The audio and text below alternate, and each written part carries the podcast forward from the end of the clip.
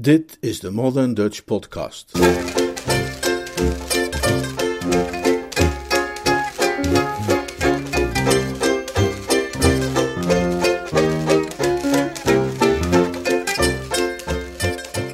Een vriendinnetje voor Lord Emsworth. Een verhaal uit de bundel Lord Emsworth bedoelt het goed van P.G. Woodhouse, vertaald en voorgelezen door Leonard Beuger. Vandaag deel 1.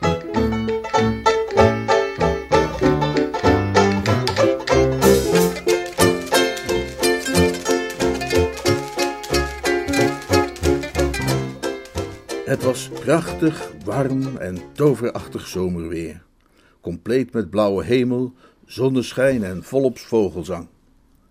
Iedereen die Clarence, de negende graaf van Emsworth, kent en weet hoe dol hij is op mooi weer, zou verwacht hebben hem op deze stralende morgen aan te treffen met een al even stralende glimlach op de mond en een opgewekt hart in de boezem.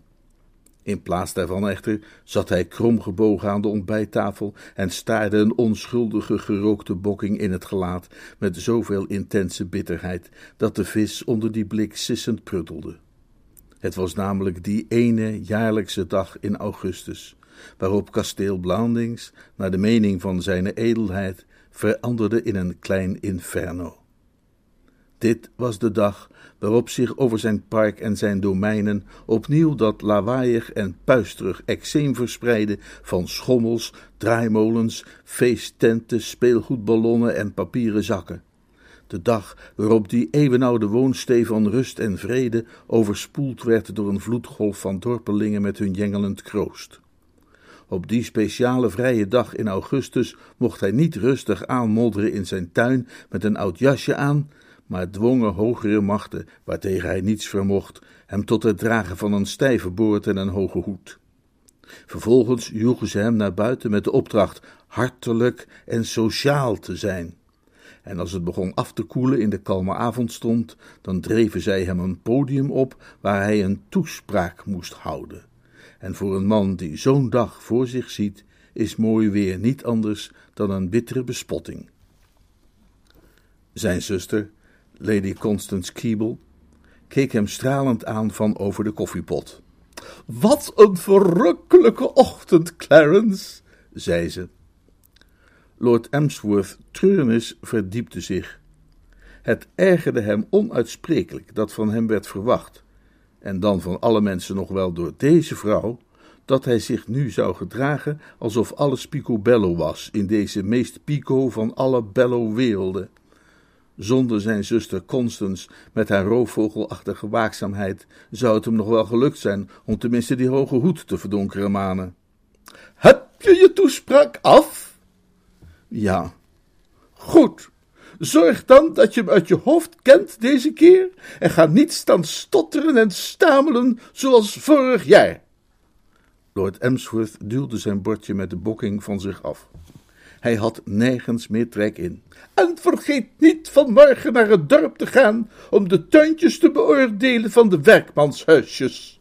Tuurlijk, tuurlijk, tuurlijk, zei Lord Emsworth geprikkeld, dat ben ik heus niet vergeten. Ik denk dat ik maar eventjes met je mee zal gaan naar het dorp. Er logeren wat van die Londense bleekneusjes in het dorp op dit moment, en die moet ik natuurlijk even waarschuwen dat ze zich netjes gedragen als ze meekomen naar het zomerfeest vanmiddag. Je weet hoe die Londense kinderen zijn. McAllister heeft er van de week een in de tuin aangetroffen die van zijn bloemen aan het plukken was. Op elk ander moment zou het bericht van zo'n wandaad Lord Emsworth hebben geschokt. Maar op deze ochtend was zijn zelfmedelijden zo intens dat hij zelfs niet even rilde. Hij dronk zijn koffiekopje leeg met de houding van een man die alleen maar kon betreuren dat het niet de gifbeker was. Tussen haakjes, McAllister begon gisteravond ook weer over het aanleggen van een grindpad door de Taxislaan. Hij schijnt daar erg op gesteld. Zei Lord Emsworth. Hetgeen, zoals elke filoloog u zal kunnen vertellen, het geluid is dat edellieden met het recht op een zetel in het hogerhuis proberen te produceren wanneer zij tot in het diepst van de ziel getroffen worden tijdens het koffiedrinken. Over Glasgow die grote handels- en industriestad in het graafschap Lanarkshire in Schotland is veel geschreven. De Encyclopedia Britannica is er zelfs zo lyrisch enthousiast over dat het 27 bladzijden duurt eer zij zich ervan kan losscheuren om verder te dwalen naar Glas, Glastonbury, Glatz en Glauber. Het enige aspect uit die veelheid dat uw huidige chroniqueur echter hiervan rechtstreeks belang acht, is het feit dat die stad inwoners voortbrengt van een grimmige, onverbiddelijke, taaie, vasthoudende soort.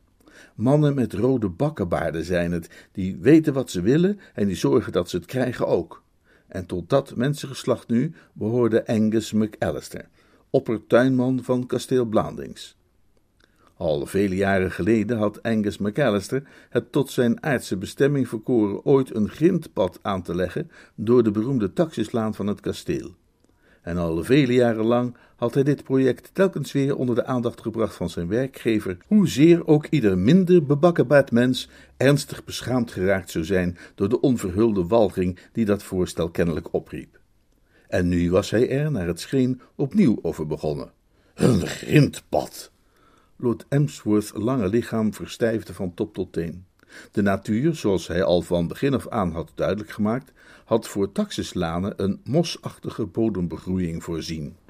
En hoe de natuur daar verder zelf ook over mocht denken, hij persoonlijk zou in elk geval wel goed gek zijn als hij kerels met een havenaccent en een smoelwerk als een uitgelopen aardappel met hun Clyde-oeverse vingers aan zo'n prachtig stuk groen fluweel zou laten knoeien.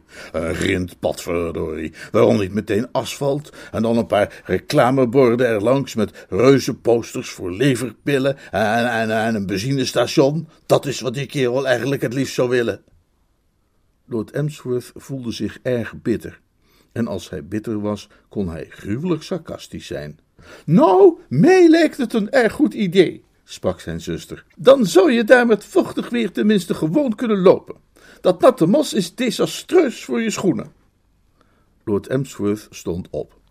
Dit kon hij niet langer verdragen. Hij ging van tafel, verliet de kamer en vervolgens het huis. Een paar minuten later was hij bij de taxislaan om tot zijn misnoegen te ontdekken dat die onveilig werd gemaakt door Angus McAllister in eigen persoon. De oppertuinman stond daar, de blik gericht op het mos, als de hoge priester van een oude heidense godsdienst op het punt het mensenoffer met zijn staak te doorboren. Morgen, McAllister, zei Lord Emsworth koeltjes. Goeiemorgen, my lord. Een korte gesprekspauze trad in. Angus McAllister stak een voet uit als een vioolkoffer en drukte ermee op het mos. De geste was duidelijk. Die drukte minachting uit, afkeer en een algemeen anti-mos gevoel. Lord Emsworth, het gelaat pijnlijk vertrokken, wierp ongerust een onderzoekende blik op de man door zijn pince-nez. Hoewel hij zich zelden overgaf aan theologische speculaties, vroeg hij zich nu toch af waarom de voorzienigheid, voor zover die zich al verplicht had gezien oppertuinlieden te scheppen, het noodzakelijk had geacht ze ook nog schots te maken. En in het geval van Angus McAllister, om nog een stapje verder te gaan, waarom had hij sowieso een mens van hem gemaakt? Alle ingrediënten voor een eerste klas muilezel zomaar weggegooid. Hij had het gevoel dat hij Angus McAllister best had kunnen appreciëren wanneer hij een muilezel was geweest. Ik heb met mevrouw gesproken gisteren. Oh, over het grindpad heb ik gesproken met mevrouw. Oh? Mevrouw vond het een goed idee. Zo, nou. Lord Emsworth's gezicht had een helder roze kleur aangenomen en hij stond op het punt de vernietigende woordenstroom die zich in zijn gedachten had opgestuurd te bevrijden, toen hij plotseling getroffen werd door de blik van de oppertuinman en hij weerhield zich. Angus McAllister keek hem aan op een eigenaardige manier en hij wist wat die blik te betekenen had. Eén opmerking, zei die blik, maar dan in het Schots natuurlijk. Eén opmerking uit uw mond en ik dien mijn ontslag in. En met een misselijkmakende schok realiseerde Lord Emsworth zich hoe volledig hij gevangen zat in de greep van deze man. Hij schuifelde ongemakkelijk met zijn voeten. Ja, hij was volkomen hulpeloos. Afgezien van die kronkel op het punt van grindpaden, was Angus McAllister een oppertuinman uit duizenden, en hij kon hem niet missen. Dat was ongelukkigerwijze door de praktijk bewezen. Eenmaal eerder, in de tijd dat zij voor de landbouwtentoonstelling de pompoen aan het opkweken waren, die achteraf zo'n reusachtige kampioen was gebleken, had hij Angus McAllister durven dwarsbomen. En Angus had zijn ontslag ingediend. Lord Emsworth had zich genoodzaakt gezien hem te smeken, ja, te smeken, terug te komen. En een werkgever kan moeilijk zoiets doen en dan verder weer gewoon met ijzeren hand regeren. Vervuld van die laffe woede die gloeien durft, maar nimmer hoog oplaaien, kuchte Lord Emsworth een kuchje dat onmiskenbaar zoveel inhield als een bronchiale witte vlag. Ik zal er eens over nadenken, McAllister. Mm. Ik moet nu even naar het dorp, ik zie je nog wel. Mm. En ondertussen zal ik, uh, zal ik erover nadenken. Mm. Het jureren van het bloemrijk vertoon in de tuintjes van de nederiger woningen van het dorpje Blandings-Parva was een taak naar de vervulling waarvan Lord Emsworth met vreugdevolle verwachting had uitgezien. Het was precies het soort klusje waar hij van hield. Maar nu, zelfs al was hij erin geslaagd zijn zuster Constance te ontlopen en had hij zich weten te onttrekken aan haar gevreesd gezelschap, zag hij ook deze taak met sombere ogen tegemoet. Het is altijd onaangenaam voor een trotsman om zich te moeten realiseren dat hij niet langer het bevel voert over zijn eigen ziel en dat hij, nu het erop aankwam, vermorzeld werd onder de maat 50 hak van een Glaswegiaanse oppertuinman. Door zulk gepieker was het met onoplettend oog dat hij de dorpstuintjes de revue liet passeren. Pas bij het laatste tuintje van zijn lijst keerde hij weer iets van opgewektheid terug in zijn houding. Dit, bespeurde hij toen hij over de gammele schutting tuurde, was helemaal geen slecht tuintje. Het was nadere bestudering waard. Hij deed het hekje open en kuierde de tuin in. Een hond, die achter de regenton lag te doezelen, deed één oog open en keek naar hem. Het was zo'n pluizige, nondescripte hond en zijn blik was koel, waakzaam en achterdochtig, als die van een makelaar in effecten die vermoedt dat iemand hem gladjes probeert op te lichten. Lord Emsworth had het dier niet in de gaten. Hij was naar een bed met muurbloemen gekuierd en stond juist voorovergebogen op het punt de geur ervan eens flink op te snuiven. Qua snuif was het een doodonschuldige snuif die Lord Emsworth nam, maar de hond zag er om de een of andere reden kennelijk iets ernstig crimineels in. Plotseling voelde hij zich in zijn verantwoordelijkheid als bewaarder van huis en hof ten zeerste aangetast. Het gebeurde in een flits, en het volgende moment was de wereld één geheel van gruwelijk kabaal. Lord Emsworth's botanische toewijding werd weggevaagd in de hartstochtelijke behoefte zijn kuiten uit een onmiddellijk gevaar te redden. Na deze chronieken van het kasteel Blandings al eerder hebben aangetoond, was Lord Emsworth niet op zijn best in de omgang met vreemde honden. Behalve afbeest te roepen en heen en weer te springen met een lenigheid die beslist verrassend was voor een man van zijn leeftijd, had hij nog weinig ontwikkeld op het punt van rationele verdedigingstactieken, toen de huisdeur openging en er een meisje naar buiten kwam. Hé hey joh! riep het meisje. Op hetzelfde moment puur op het geluid van haar stem, staakte het mormel de vijandigheden, rende op de nieuwkomer af en ging aan haar voeten op zijn rug liggen kronkelen met alle vier zijn poten in de lucht. Het schouwspel deed Lord Emsworth onweerstaanbaar denken aan zijn eigen gedrag in de aanwezigheid van Angus McAllister. Hij wierp een schuchtere blik op haar die hem gered had. Het was een klein meisje van onduidelijke leeftijd, misschien twaalf of dertien, hoewel de combinatie van Londense mist en vroege zorgen haar gezicht de uitdrukking had gegeven van een soort moederlijke wijsheid, die op een of andere merkwaardige manier Lord Emsworth van meet af aan naar haar deed kijken alsof ze tot zijn eigen generatie behoorde. Ze was het soort meisje dat je in achterafbuurtjes ziet zeulen met een baby die bijna even groot is als zijzelf, met nog voldoende energie om ondertussen één klein broertje aan de hand mee te trekken en een ander in de verte bestraffend toe te roepen. Haar wangen glommen van een recente zeepbeurt en ze droeg een fluweelachtig jurkje dat kennelijk de trots was van haar garderobe. Het haar droeg ze, in weerwil van de heersende mode, strak naar achteren getrokken in een kort staartje. Eh, uh, dank je wel, zei Lord Emsworth. Dank u wel, meneer, zei het meisje. Waarvoor hem bedankte, wist Lord Emsworth niet helemaal te reconstrueren, maar later, nadat hun relatie zich enigszins verdiept had, zou hij ontdekken dat deze merkwaardige dankbaarheid tot de gewoontes en eigenschappen van zijn nieuwe vriendin behoorde. Ze bedankte iedereen altijd overal voor. Op dit moment echter verraste deze trek hem. Hij bleef haar schuchter aanstaren door zijn pince nee.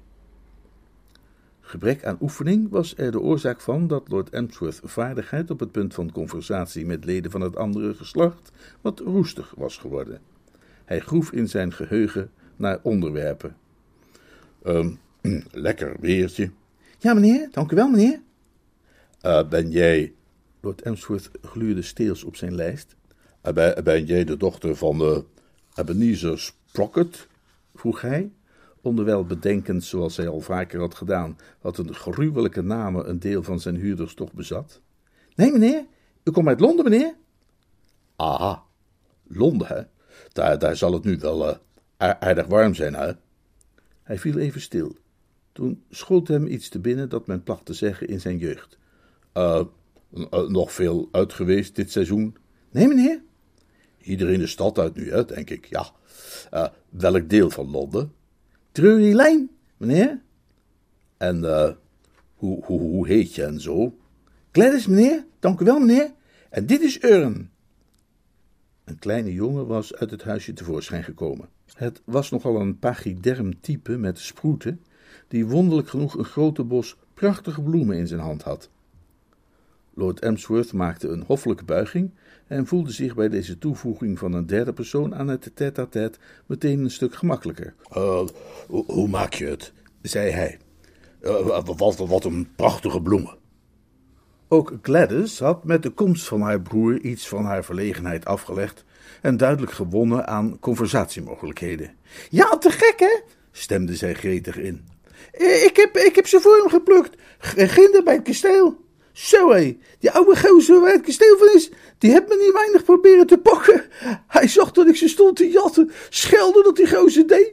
En hij kwam me achterna, maar ik gooide hem een steen tegen zijn schenen en hij is dan vrij vergelijk, weet je wel, dus ik er vandoor.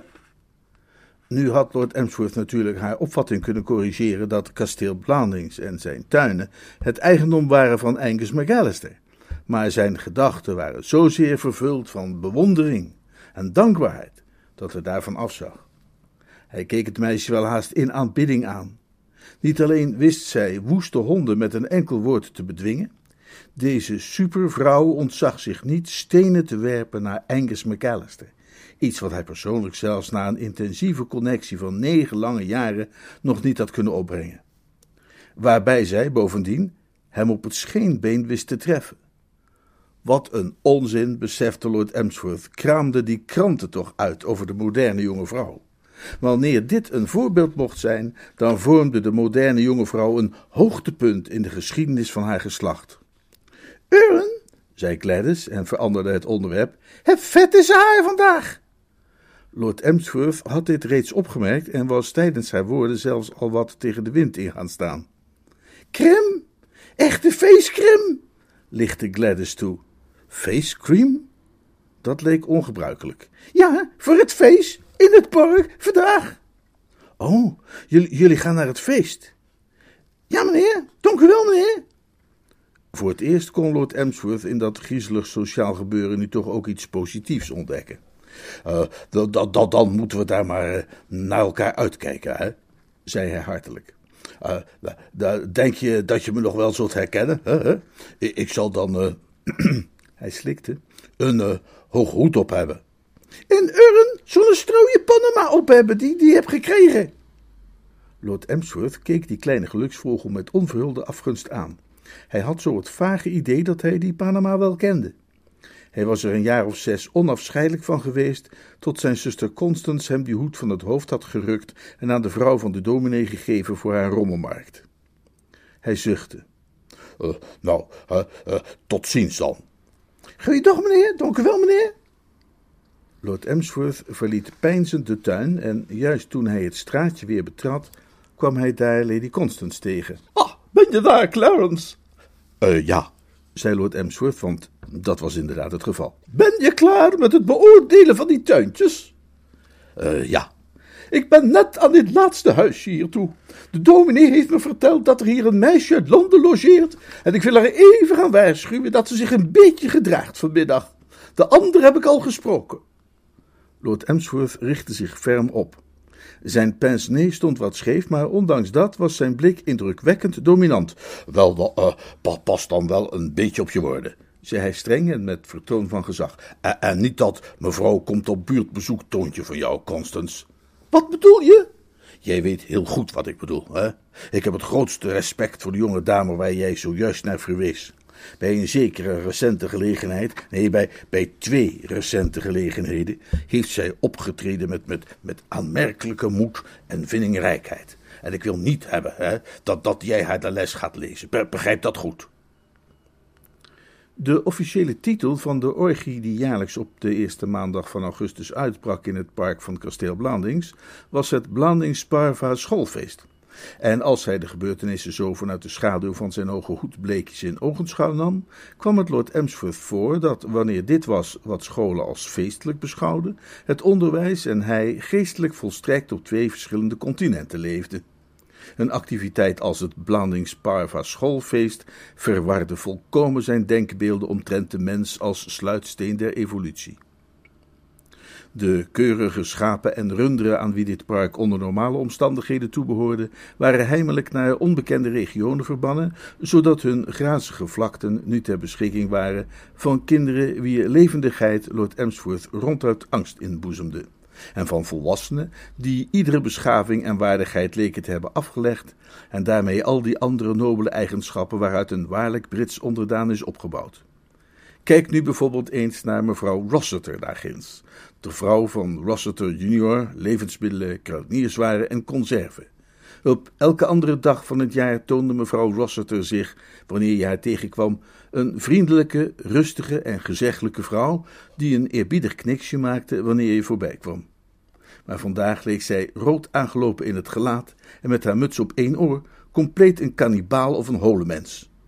Ze dartelde van hot naar haar, dronk limonade uit een flesje en wanneer ze haar mond daar niet voor nodig had, gebruikte ze die om een huiveringwekkend geluid teweeg te brengen op iets dat volgens Lord Emsworth werd aangeduid als een toetertje.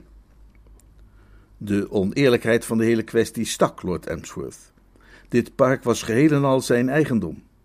Met welk recht kwamen mensen hier dan op toetertjes blazen? Hoe zou mevrouw Rossiter het vinden als hij zomaar op een middag haar keurige tuintje aan de Hoogstraat binnenkwam en over haar gazon begon te darren en op een toetertje te blazen? En bovendien heerste er bij dit soort gelegenheden ook altijd nog zulke helse temperaturen. Juli kon desnoods zijn afgesloten met een sneeuwstorm, maar zodra de eerste maandag in augustus aanbrak en hij een stijve boord om moest, ja hoor, dan kwam de zon tevoorschijn en begon te branden met tropische razernij.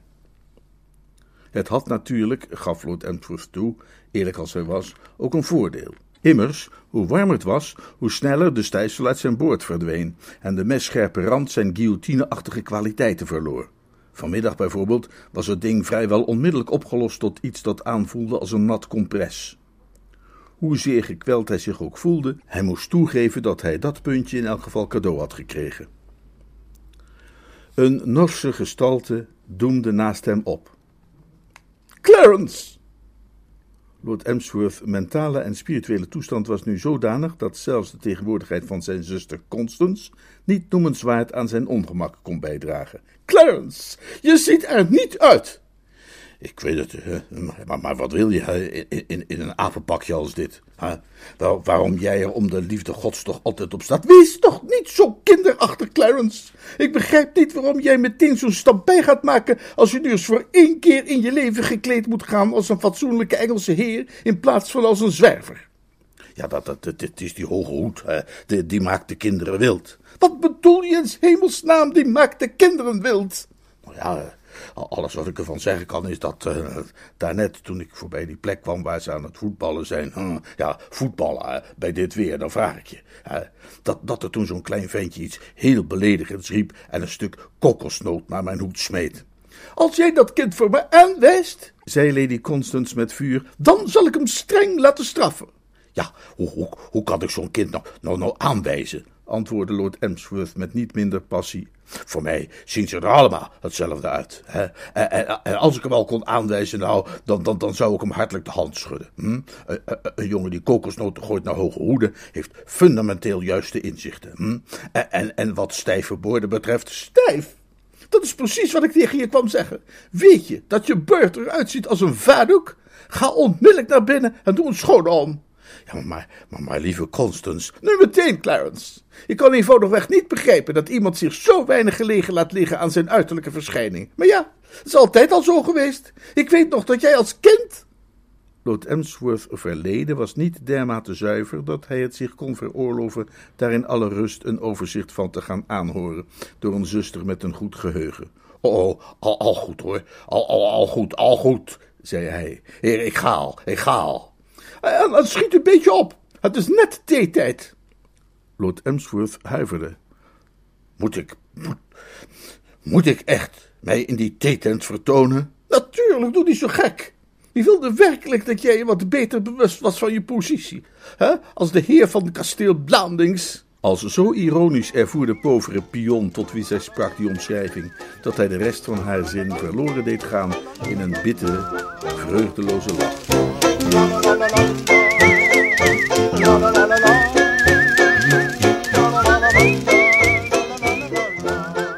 Dit was deel 1 van Een vriendinnetje voor Lord Emsworth. Een verhaal uit de bundel Lord Emsworth bedoelt het goed door P.G. Woodhouse. Volgende week volgt op de Modern Dutch Podcast het tweede en laatste deel.